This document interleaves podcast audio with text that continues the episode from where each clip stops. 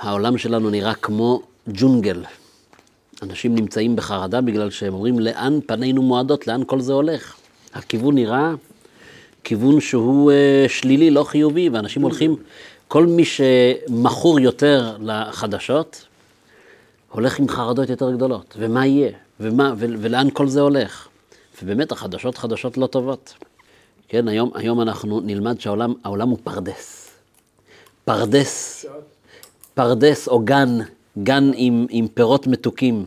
לא ג'ונגל, אלא מקום נפלא. ואני לא בת יענה שדוחף את האף בתוך החול, אלא אני רוצה היום שאנחנו נלמד שצריך ללבוש את המשקפיים הנכונים, וקצת לנער אבק ולקלף את הקליפות ולראות את הדברים בצורה אחרת, בצורה חיובית, וזה למעשה הבשורה של תורת החסידות. תורת החסידות, פעם שמעתי הגדרה מאוד יפה, שהחסידות לא באה לשנות, אלא היא באה להעיר. זו הגדרה טובה, למה? בגלל שכשאתה נמצא בחדר ויש שם הכל, כמו שיש פה על השולחן, הכל יש. יש שתייה, ויש מאכלים, ויש, ויש אנשים טובים, אבל החדר הוא חשוך, ואתה לא יכול ליהנות מכל הטוב הזה, כי אתה לא יודע איפה נמצא כל דבר, ואתה, במקום ליהנות מהטוב הזה, אתה מתלכלך ואתה נופל. ובאה תורת החסידות ובסך הכל הדליקה את האור, והנה אתה לובש פתאום משקפיים. זוכרים את הפעם הראשונה שאתה לובש משקפיים? עולם חדש, עולם חדש נגלה אליך. כן? זאת אומרת שבבדיחה המפורסמת, יש את הבדיחה או משל, שאותו אה, יצרן של נעליים שלח, אה, שלח שני סוכנים, נכון? שלח שני סוכנים לאפריקה. הם רוצים לפתוח שם חנויות, לראות מה אפשר. בשני מקומות באפריקה. אחד כותב, לה, אחד כותב לזה, אני חוזר הביתה, אין מה לחפש כאן, כולם הולכים יחפים. אין פה, אין פה שוק לדבר הזה. השני כותב, תתחילו לעבוד גם כן פס ייצור לילה, אני מבקש כבר שני קונטיינרים, אי אפשר להאמין מה שהולך כאן. כולם הולכים יחפים, אני הולך למכור פה... כן, אז מה, מאיפה הגיעו שני ה... אלה מסקנות הפוכות. השאלה, שתי הקצוות, שתי הקצוות. זה אומר, אני חוזר הביתה, לא הצליח, מישן פיילד. למה? כולם יחפים, אין פה ביקוש לנעליים. השני אומר, אני הולך למכור פה אלפי זוגות נעליים ביום, זה הולך להיות פה מטורף. השאלה היא איזה משקפיים אנחנו, אנחנו לובשים. כי זו, זו, זה, משל, זה משל מהחיים. זאת אומרת, שכמעט כמעט, כמעט בכל סיטואציה, אפשר, אפשר לאמץ את הגישה של החסידות, לקלף, לקלף, לקלף ולומר, העולם הזה הוא מלא אמנם בקליפות שמנסות להסתיר על האמת, אבל אם אני רק אגע בדבר עצמו, אני אוכל לראות שזה כאן, שיש סדר, שזה גן, שזה פירות מתוקים, כן, וזה, וזה, וזה, וזה האמת. זאת אומרת, זאת אומרת, תמיד אומרים חצי כוס הריקה או חצי כוס המלאה, כן? צריך למלא את הכוס. תן פה קצת לחיים. זה דורש אימון, זה דורש מאיתנו להתאמן. זאת אומרת, הרבה פעמים זה לא בא. יש טיפוסים שהם יותר אופטימיים, בהגדרה שלהם יותר אופטימיים. הם יותר קל להם לראות בכל סיטואציה איך אפשר לצמוח מזה, איך לראות את הטוב שבזה. כן, יש טיפוסים כאלה. ויש טיפוסים שהם נקראים אצלנו יותר פסימיים. אני טוען שגם אותם הפסימיים, על ידי אימון, הם מסוגלים לאמץ את הראייה הנכונה. כמו הבדיחה, יש את הבדיחה המפורסמת, שאמרו על, על העידן של מזרח תיכון חדש. אמרו שהבשורה של מזרח תיכון חדש, אז זה בדיחה שחורה. אמרו שה, שהאופטימיים לומדים אנגלית, והפסימיים לומדים ערבית, והריאליים לומדים לשחות. זה אמור אז על, בתקופת שמעון פרס. טוב, זאת אומרת, זה, זה דורש אימון, זה דורש, זה דורש אימון, וידוע שהמילה אמונה, היא דורשת גם כן להתאמן. אז, אה, אז, אז בהקשר לזה, אני, אני רוצה לפתוח עם, אה, עם מאמר חסידות, לצטט כמה שורות ממאמר חסידות שנקרא מאמר באתי לגני אחותי כלה. אבל צריך רגע להגיד מילה על המאמר הזה, ולהקדים את ההקדמה, שהמאמר הזה, שהוא מעניק לנו את הראייה הנכונה, את המשקפיים. המאמר הזה הוא uh, מאמר מיוחד לתקופה שלנו, ומדוע? משום שהרבי הקודם של חב"ד, רבי יוסף יצחק, הוא היה החם של הרבי שלנו, הרבי מלובביץ', זכר צדיק לברכה. והוא, הרבי הרייץ, אה, הוא חי בשנותיו האחרונות בארצות הברית, הצליח לברוח וניצל מהשואה, והוא כתב מאמר שנקרא, מאמר שמתחיל בפסוק "באתי לגני אחותי כלה" משיר השירים, הפקיד את זה בידי החסידים שילמדו את זה בשבת, ובאותה השבת נפטר והסתלק לבית עולמו. שנה אחר כך, החותן שלו, החתן שלו, הרבי, שלקח על עצמו את עול ההנהגה והתחיל להנהיג את אה, עדת החסידים, הוא פתח את, ה, את ההנהגה עם אמירת המאמר הזה, באתי לגני, וביאר על זה עוד נדבך ועוד נדבך. עכשיו, כל שנה הוא היה מוסיף עוד איזה פנינה על המאמר הזה. זאת אומרת, היחס שלו למאמר שהרבי החכם שלו הפקיד בידי החסידים, באתי לגני, זה היה כאילו, זה הצוואה, כי זה כאילו מדבר על האתגרים שלנו, על הדור שלנו. זה המאמר, הוא מאמר מיוחד במינו. כן? אז, אה, אז, אז בוא, בוא, אני אצטט כמה שורות מבאתי לגני, יש לכם גם ספרים. הוא מצטט כאן, ב, קודם כל, הוא אומר, מה זה הפסוק באתי לגני אחותי כלה? הפסוק הזה הוא חלק משיר השירים. שיר השירים מתאר אהבה עצומה בין הרעיה ובין הדוד, והדוד זה האהוב, ו, והיא נקראת גם כן אחותי, כמו שאנחנו היום קוראים לחבר טוב, אחי, אחי. אז אחותי בשיר השירים, לא הכוונה אחות, אלא אהובתי. אז היא נקראת רעיה, היא נקראת אה, אהובה, היא נקראת אחות. והשיר השירים הוא כולו בעצם, חז"ל אומרים על זה שזה ספר שהוא קודש קודשים, הוא כולו במשל, זאת אומרת, זה הכל אה, ביטויים אה, מטאפוריים על, ה, על היחס, מערכת היחסים של עם ישראל, זה הכלה, והקדוש ברוך הוא. באמת, אה, בחז"ל, על כל פסוק בשיר השירים, מתארים מה הנמשל, על איזה תקופה מדובר, על איזה, על איזה בחינה, על איזה עניין בקשר בין עם ישראל והקדוש ברוך הוא. אז כשמגיע הפסוק, באתי לגני אחותי כלה, אז חז"ל אומרים שזה הולך על יום מתן תורה. שמה קרה במתן תורה? עם ישראל זו הכלה, והקדוש ברוך הוא זה החתן, והם באים להר סיני שזה החופה, והקדוש ברוך הוא אומר, הוא באנו, והייתם לי עם סגולה. זה נקרא, הרי את מקודשת לי בטבעת זו, הנה, הוא הרים אותנו לקדושה אחרת, באנו בחרת. ובאמת, מאז אנחנו התחלנו, ממתן תורה התחלנו לברך, אשר קידשנו במצוותיו. אשר קידשנו, מה זה אשר קידשנו במצוותיו? זה הולך על מתן תורה, שביום שהוא נתן לנו את המצוות שלנו, אז אנחנו נהיינו מקודשים לו. עם ישראל זה הקלה. באתי לגני אחותי כלה, זה הולך על יום מתן תורה. אבל המדרש אומר שבאתי לגני אחותי כלה, זה, זה יש פה אה, איזשהו אה, אה, דיוק במילה. לא כתוב באתי לגן, גן אירועים. הנה, סוף סוף הגענו לגן האירועים, הר סיני. אומר, באתי לגני. הקדוש ברוך הוא כביכול מתייחס לעולם שלנו, הוא מתייחס לזה כמקום שהוא גני, הפרדס שלי, הגן שלי, המקום הכי מובחר, המקום שאני אוהב לטייל בו. נשאלת השאלה, איך ייתכן לקרוא לעולם הזה, עולם שהוא כזה ג'ונגל, איך ייתכן לקרוא לו גני? הרבי התייחס לנקודה הזאת. גני לא? לא, גני, גני, אני מדבר עכשיו כפשוטו.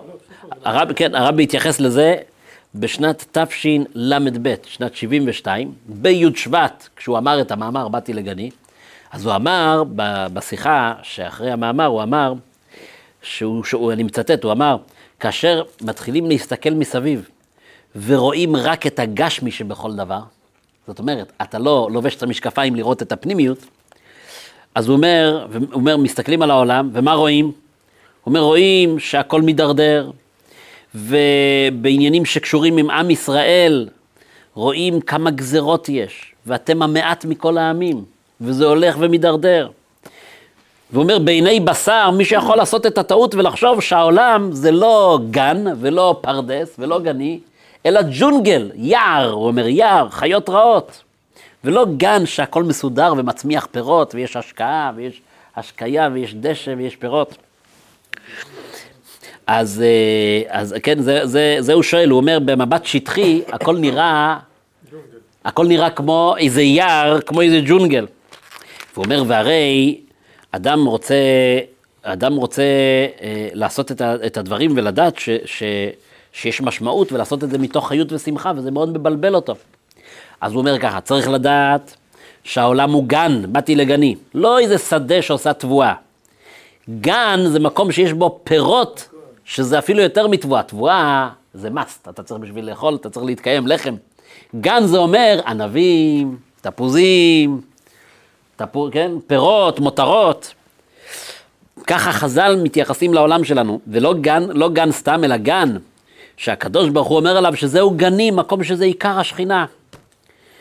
ולמה? אז הוא אומר, הוא אומר את הדבר הבא. הוא אומר, אדם שמסתכל, שיש לו נשמה אלוקית, הוא מביט על העולם עם משקפיים, מסתכל לו בצורה אחרת. והוא רואה מה שלא מבחינים כשמסתכלים בעיניים רגילות בשטחיות. מה הוא יודע? הוא יודע שבתוך העולם הזה דווקא, מתחת לקליפות, מתחת למה שמסתתר, יש פירות של גן. ואם הוא מתחיל לחפש בכיוון זה, קודם כל הוא יודע שזה אמת, למה? כי התורה אמרה, זה אמת.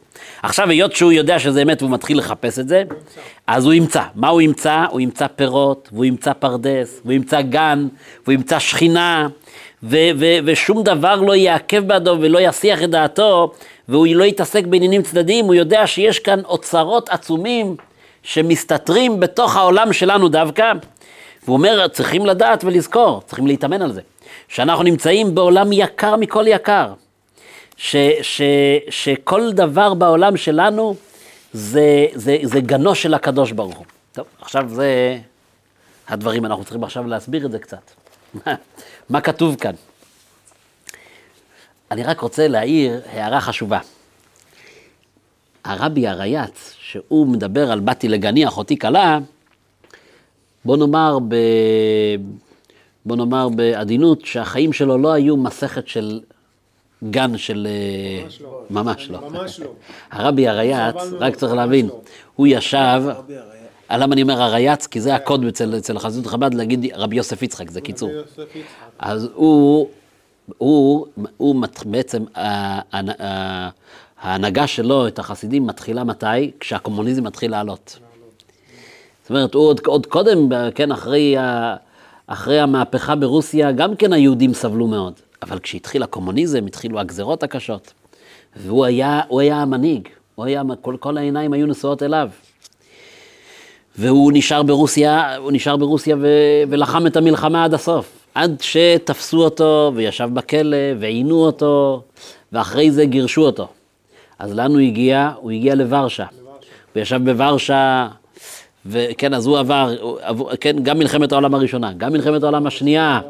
כשהוא יושב בוורשה ושומע את כל ההפגזות על... ההפגזות על...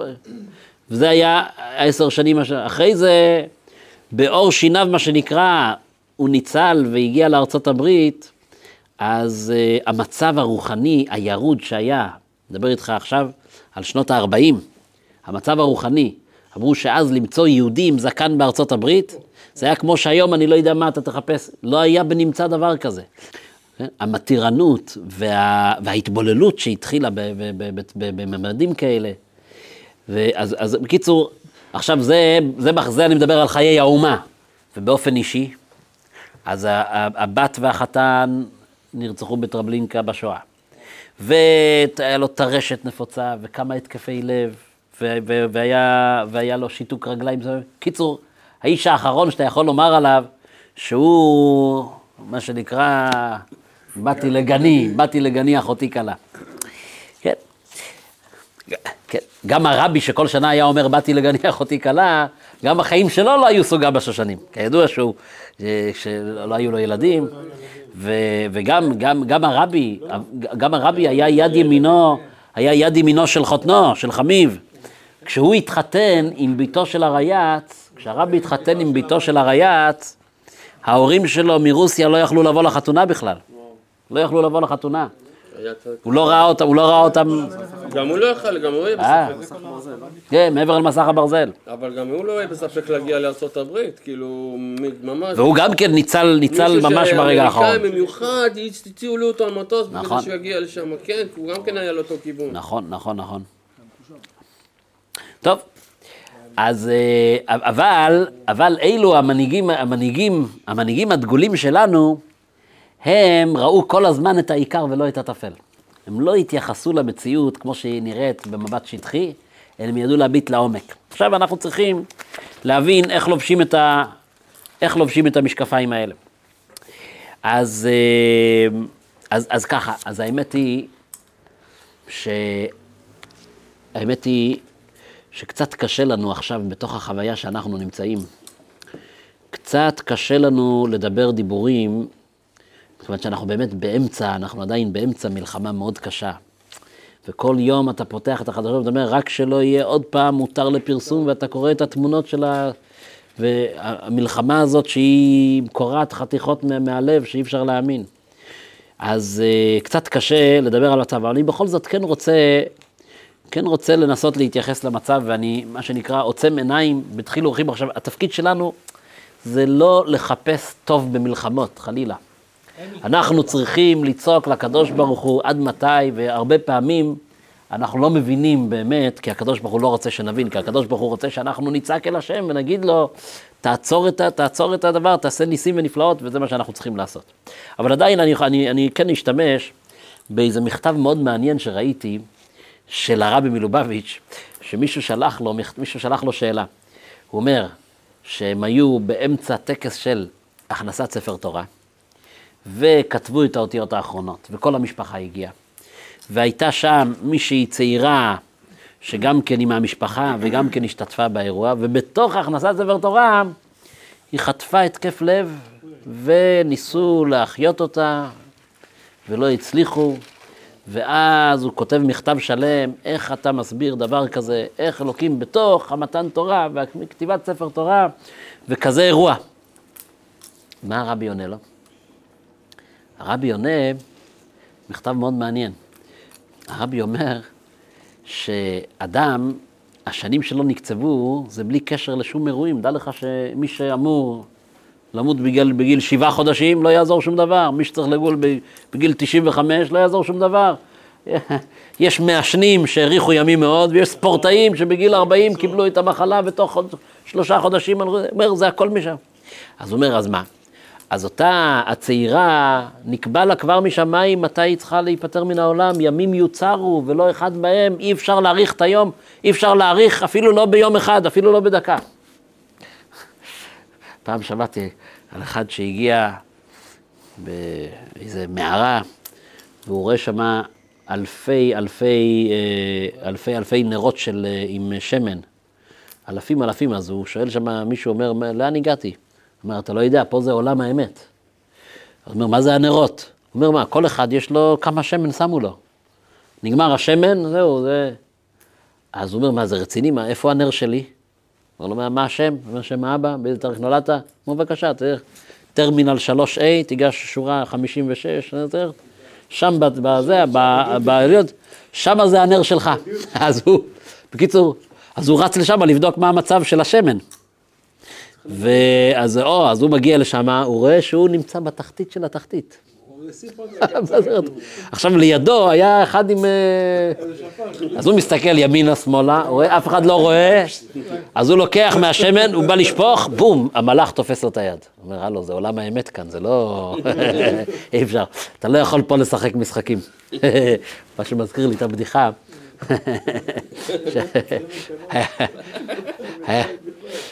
היה- אחד, היה, היה אחד מקבל, היה, היה אחד מקבל, טל, מקבל טלפון מהדוקטור.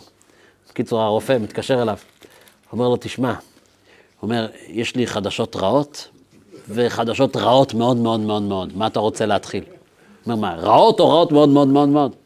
אז הוא אומר, תתחיל מהרעות. הוא אומר, תשמע, חזרו התוצאות מה, מהמעבדה. אומרים, אומרים, יש לך רק 24 שעות לחיות. הוא אומר מה? הוא אומר, זה הרעות, מה יכול להיות יותר גרוע מזה? הוא אומר, מה, מה הרעות מאוד מאוד מאוד? הוא אומר, אומר, "ש- שמרל, אני מחפש אותך מאתמול בבוקר.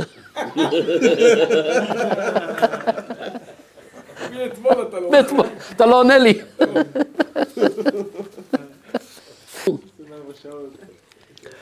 אז, אז, הרבי, אז, הרבי, אז הרבי כותב, אומר לכל אחד יש את הימים שנקצבו לו. והנה, אותה, אותה נערה שנפטרה מדום לב, אומר, תראה איזה זכות, איזה זכויות היו לה. שברגעים האחרונים שהם מאוד משמעותיים לאדם, היא תהיה מוקפת בכל המשפחה שבאו מרחוק. ולא סתם שכל המשפחה באו ונמצאים איתה ברגעים האחרונים שהם כל כך משמעותיים, אלא זה באירוע של מצווה, של קדושה. הוא אומר, אי אפשר לתאר את גודל הנחת רוח שהיה לה כשנשמתה יצאה. הוא אומר, דמיין לך שהיא הייתה סתם נמצאת באיזה חנות, באיזה צומת, ולבד, ו- ושם, ושם uh, היו הרגעים האחרונים. זאת אומרת, עכשיו, זה ראייה שלנו קשה, אנחנו צריכים לס- לסגל ראייה כזאת, זה דורש מאיתנו הרבה אימון. אבל היא הראייה האמיתית. האמת היא שהנשמה הזאת באמת חוותה אירוע שאחרי זה, כשהנשמה נפרדת מהגוף, ומה שנקרא חוזרת לצביון רוחני במעמד כזה, זה משהו שיש לנשמה עונג מזה. כן. אז, אה, אז קצת, קצת, קצת קשה לדבר על המצב, אבל בכל זאת, אה, בכל זאת, הרי אנחנו שומעים שהם, אה, יש להם שמה ב- בעזה מעבדות, והם כבר מצאו שיש שם לייצר טילים, טילים מכוונים, טילים מדויקים. זאת אומרת, זאת אומרת, שאנחנו, יש, יש בחירה חופשית. אנחנו היינו יכולים כמובן לבחור ול, ולעשות את הדבר הצודק והנכון של הבעל להורגך, השכם להורגו לפני 20 שנה ו-30 שנה. אבל כשהקדוש ברוך הוא רואה שכל מה שקורה ואנחנו לא, לא עושים את מה שצריך לעשות, אז רק דבר כל כך נורא ואיום, מזעזע, זה הדבר היחיד שיבוא לחסל את הדבר הזה. ועוד לשבש להם את התוכנית שהם רצו להיות מתואמים עם שאר החזיתות. ואלה, ולשבש להם את התוכנית ש, ש, שרק הם יפרצו בכלל.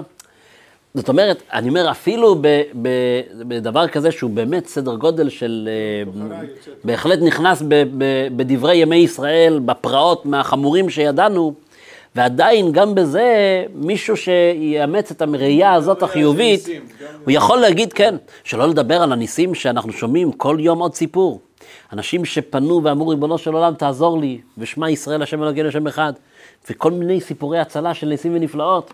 של, של, שאנשים שאומרים, בתוך הכדורים השורקים ראיתי השגחה פרטית, ראיתי דברים. כמובן שאנחנו לא יכולים להבין את הגזרות שהיו כאן ואין תפקידנו לחפש. אני-. אפילו בהסתרה שבהסתרה, אפילו בהסתרה שבהסתרה.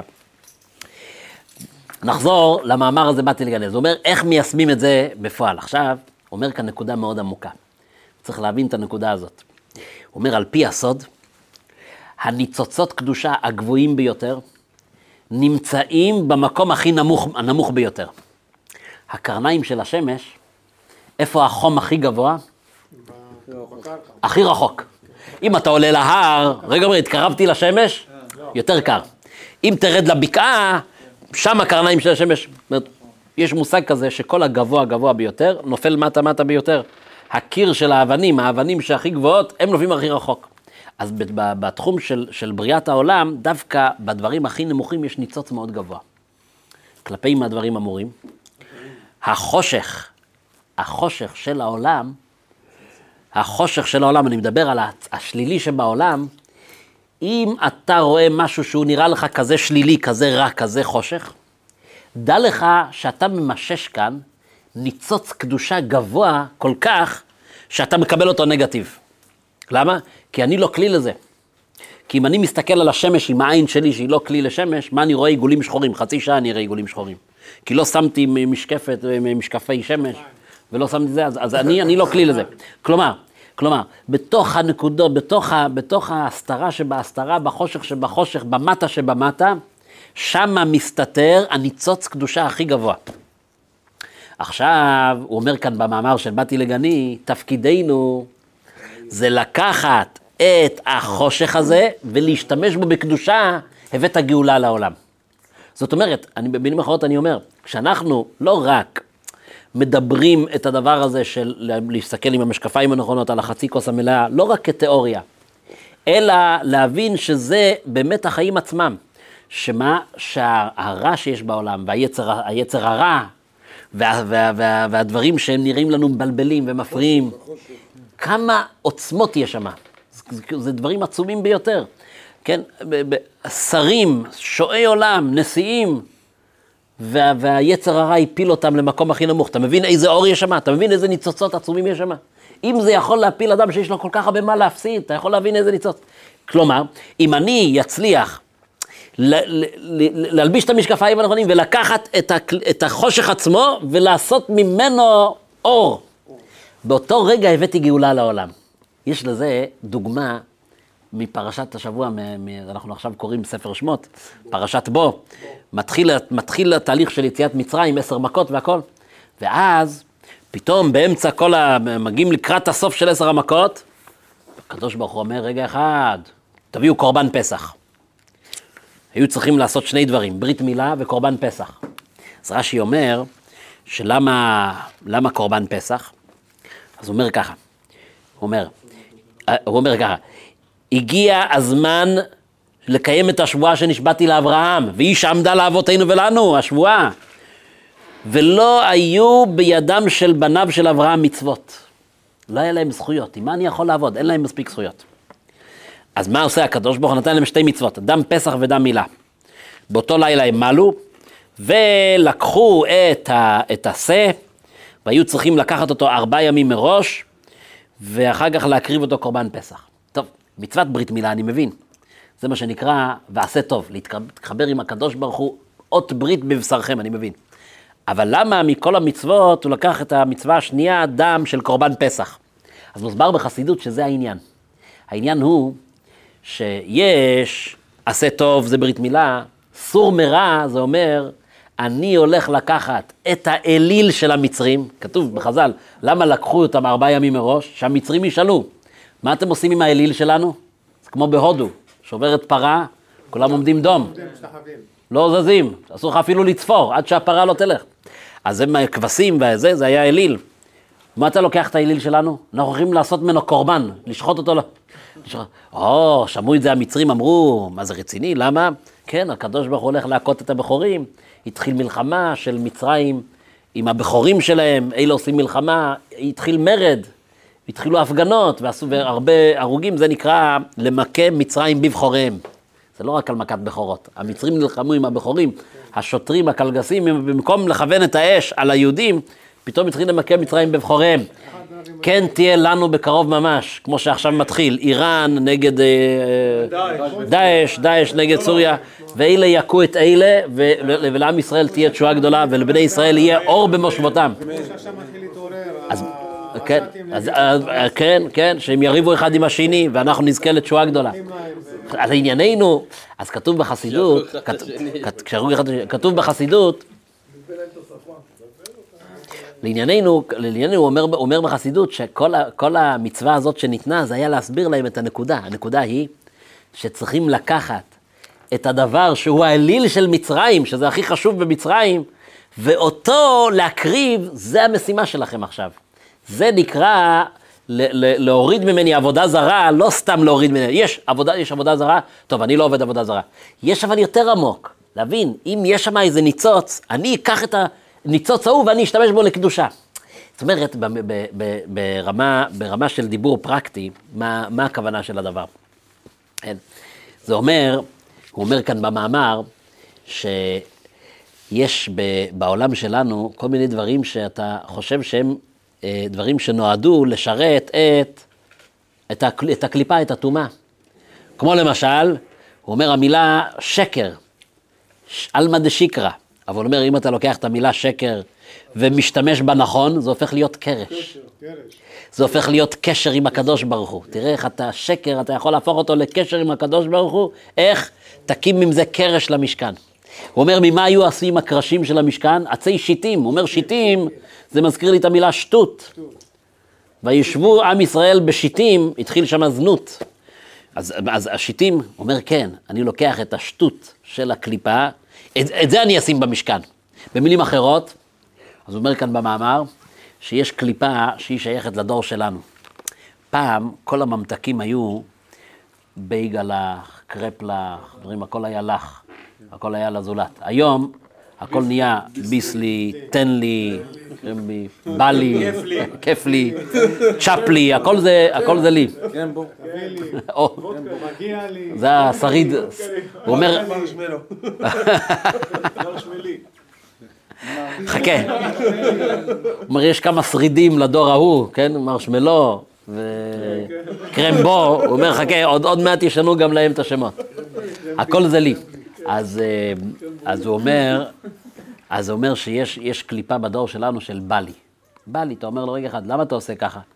לא, זה לא מכובד, ג'ינסים, חורים, זה נורמלי? לא, לא יודע, זה היום המודה, בא לי ככה, בא לי. לא שכל, לא היגיון, אלא ככה בא לי. תעשה לי משהו, הנה בא לי, תעשה לי משהו. אבל אני מסביר לך, זה לא בריא, זה לא טוב, זה לא מוסרי.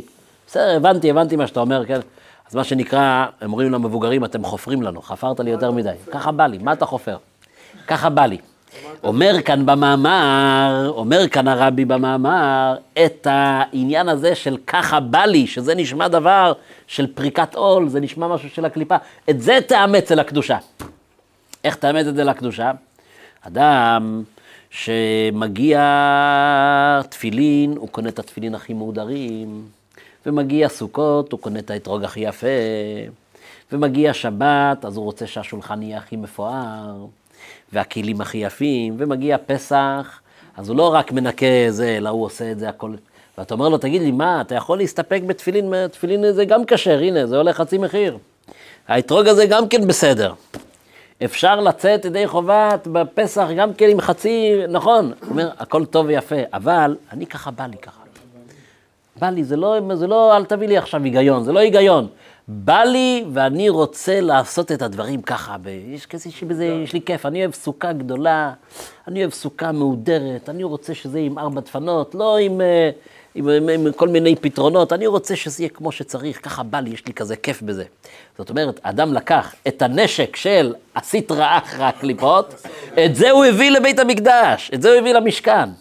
באותו רגע הוא עשה מזה, מהקורבן, מה, מהאליל של מצרים, שזה השקר של העולם, הוא עשה מזה קורבן בית המקדש ושכנתי בתוכם. יש בזה כוח עצום. כן, זה היה כל, כל הסימנים של ביאת משיח, שהדור הצעיר יהיה חוץ, חוץ פי יסגי, זאת אומרת, החוצפה תהיה מרובה ביותר. אנשים לא יהיה להם כבוד.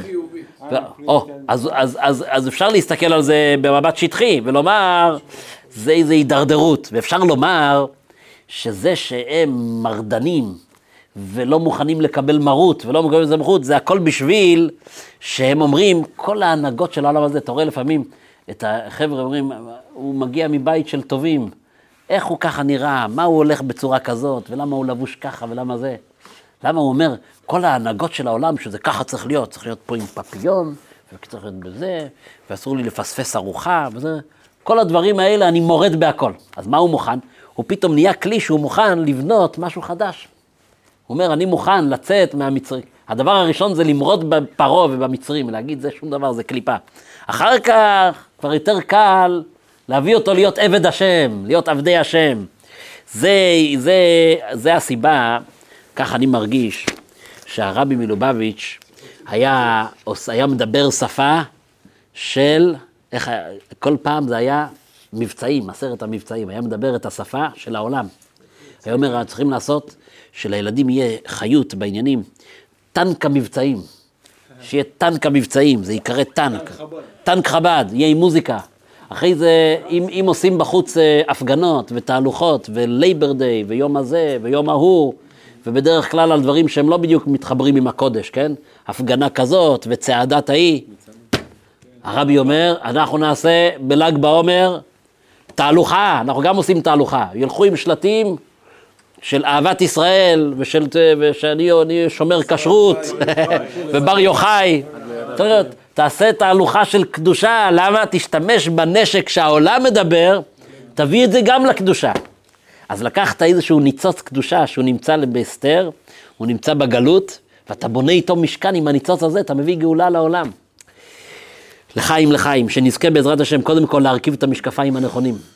ולראות בכל דבר לא את המבט השטחי. יהודים מחפשים את העומק, מחפשים את האמת, ויודעים שהקדוש ברוך הוא לא יצא לפנסיה, והוא לא, הוא לא, הוא לא הקדוש ברוך הוא לא עזב את צאן מרעיתו, הנה לא ינום ולא יישן שומר ישראל. וזה לא, לא לא. יקרה, אף פעם לא אמרתי את זה, אני לא מכניס, אני לא אפילו מכניס. לא אבל. חלילה, ואם רואים אדם שהוא קצת מדוכדך, צריך להגיד לו, יש מנהיג לבירה, ובעזרת השם הקדוש ברוך הוא מוביל את העניינים, וגם מה שהיה עכשיו, זה גם כן היה מתוכנן, אנחנו לא מבינים למה, ואנחנו לא מחפשים סיבות למה, ואנחנו רק יודעים שהקדוש ברוך הוא מוביל את הדברים בצורה נכונה וטובה בשבילנו. אחר כך, השלב השני זה למצוא איך אני לוקח את השקר של העולם, ואיתו אני משתמש גם כן בבית המקדש, במשכן, ככה מביאים גאולה לעולם. חיים. איך, זה קרה.